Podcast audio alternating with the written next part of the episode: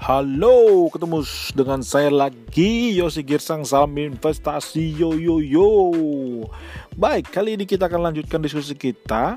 Kalau sebelumnya kita sudah membahas mulai membahas tentang valuasi saham yang mana pendekatannya itu adalah relative valuation bicara tentang PBV dan PE ratio.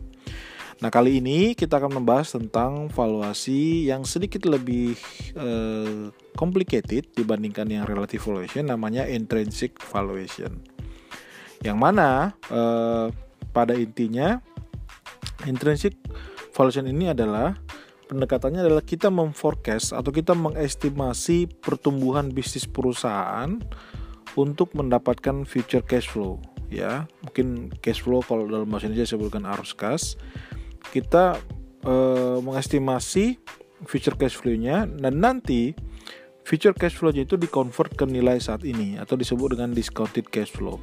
Jadi simpelnya begini, katakan tahun pertama ya ke, e, cash flow atau arus kas yang diperoleh oleh perusahaan tersebut dengan menjalankan bisnisnya adalah satu triliun.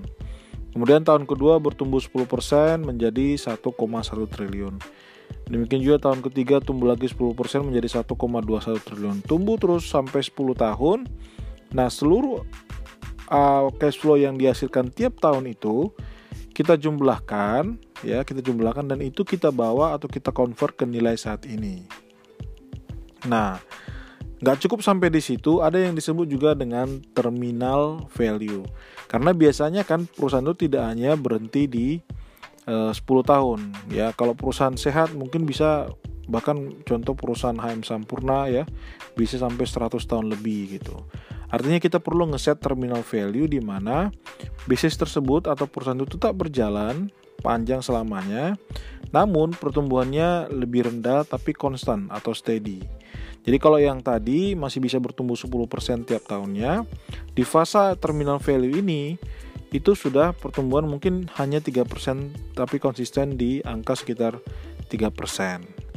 Nah, menghitung terminal value juga ada formulanya, intinya adalah yang tahun ke-10 ya, itu kita bagikan dengan eh, growth-nya dikurangi dengan angka discount rate-nya. Nah, apa itu discount rate? Pada intinya gini, discount rate itu adalah kita hendak eh, simpelnya kita mengharap sebagai investor kita mengharapkan yang namanya return oke okay? expected return katakanlah angkanya eh, 10% sampai 20% tergantung nah, nah itu ada perhitungannya.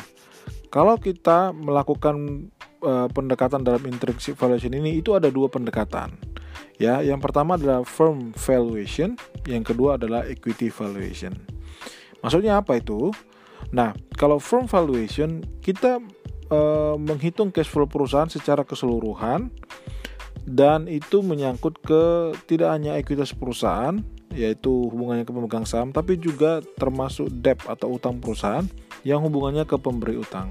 Jadi valuasi from valuation itu adalah valuasi perusahaan secara keseluruhan. Nah, pendekatan yang kedua adalah equity valuation yang mana itu adalah valuasi yang fokus ke ekuitas perusahaan untuk menghitung cash flow-nya spesifik uh, yang akan diterima oleh pemegang saham saja. Jadi bicara dengan ekuitas. Yang pasti simpelnya equity valuation itu lebih simple karena lebih straightforward. Nah, sekarang tadi balik lagi ke discount rate ya, waktu kita membawa future cash flow ke masa sekarang dengan menggunakan angka discount rate.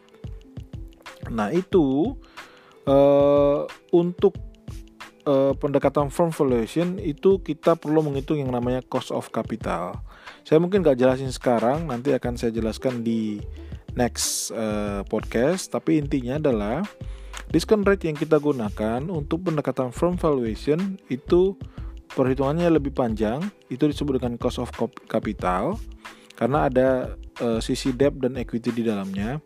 Sedangkan untuk equity valuation itu kita menggunakan cost of equity, cost of equity. Nah, itu pendekatannya juga lebih simple. Itulah kenapa tadi saya bilang bahwa uh, uh, equity valuation itu jauh lebih simpel dibandingkan dengan firm valuation. Tapi sebenarnya pun kalau kita sudah bisa menghitung uh, kedua cara ini, kalau Anda menghitung firm valuation dengan equity valuation harusnya itu akan sama. Dalam artian pada waktu angka memperoleh angka value per share dari uh, perusahaan tersebut itu angkanya kurang lebih akan sama. Nah, itu dia penjelasannya. Nah, sekarang bagaimana cara kita untuk uh, mengasumsikan growth dari cash flow perusahaan tadi gitu ya. Nah, itu di situlah perlunya yang namanya latihan dan latihan, keterampilan yang harus diasah. Makanya saya selalu mengatakan bahwa melakukan valuation itu tidak seperti sains atau math yang pasti harus benar. Ya, bicara tentang valuasi itu kita perlu yang namanya mencoba. Anda boleh saja baca banyak buku, Anda boleh saja belajar dari banyak orang, tapi kalau Anda tidak pernah melakukan yang namanya valuasi sendiri, maka keterampilan Anda dalam e, hal ini tidak akan terasa dan anda tidak akan pernah confident untuk angka Anda. Nah, itulah perlunya kita untuk e, mencoba melakukan valuasi terus-menerus sehingga akhirnya kita bisa e, melakukan estimasi yang lebih tepat. Jadi simpelnya begini. Uh, kalau kita mau tahu berapa cash flow yang akan bertumbuh tiap tahunnya, yang paling gampang pasti kita harus melihat uh, pertama historikalnya seperti apa dari pertumbuhan cash flow perusahaan tersebut. Dan yang kedua juga kita juga harus melihat di bisnis atau industri tersebut perusahaan tersebut sebenarnya mampu bertumbuh hingga ke level apa. Itulah saya bilang tadi kita harus sering-sering uh, melakukan valuasi supaya kita semakin terasa semakin tajam untuk melihat opportunity dalam uh, melakukan estimasi ini gitu kurang lebih. Oke, mungkin untuk awal ya supaya Anda tidak pusing, ini dulu yang saya jelaskan ya. Nanti akan ada podcast berikutnya yang mana saya akan menjelaskan ke contoh-contoh yang lebih real.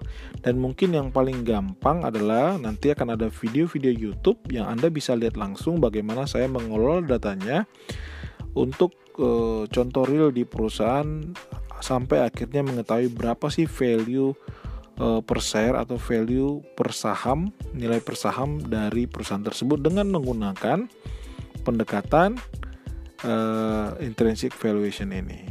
Terima kasih sudah mendengarkan posisi saya. Salam investasi Yosi Girsang.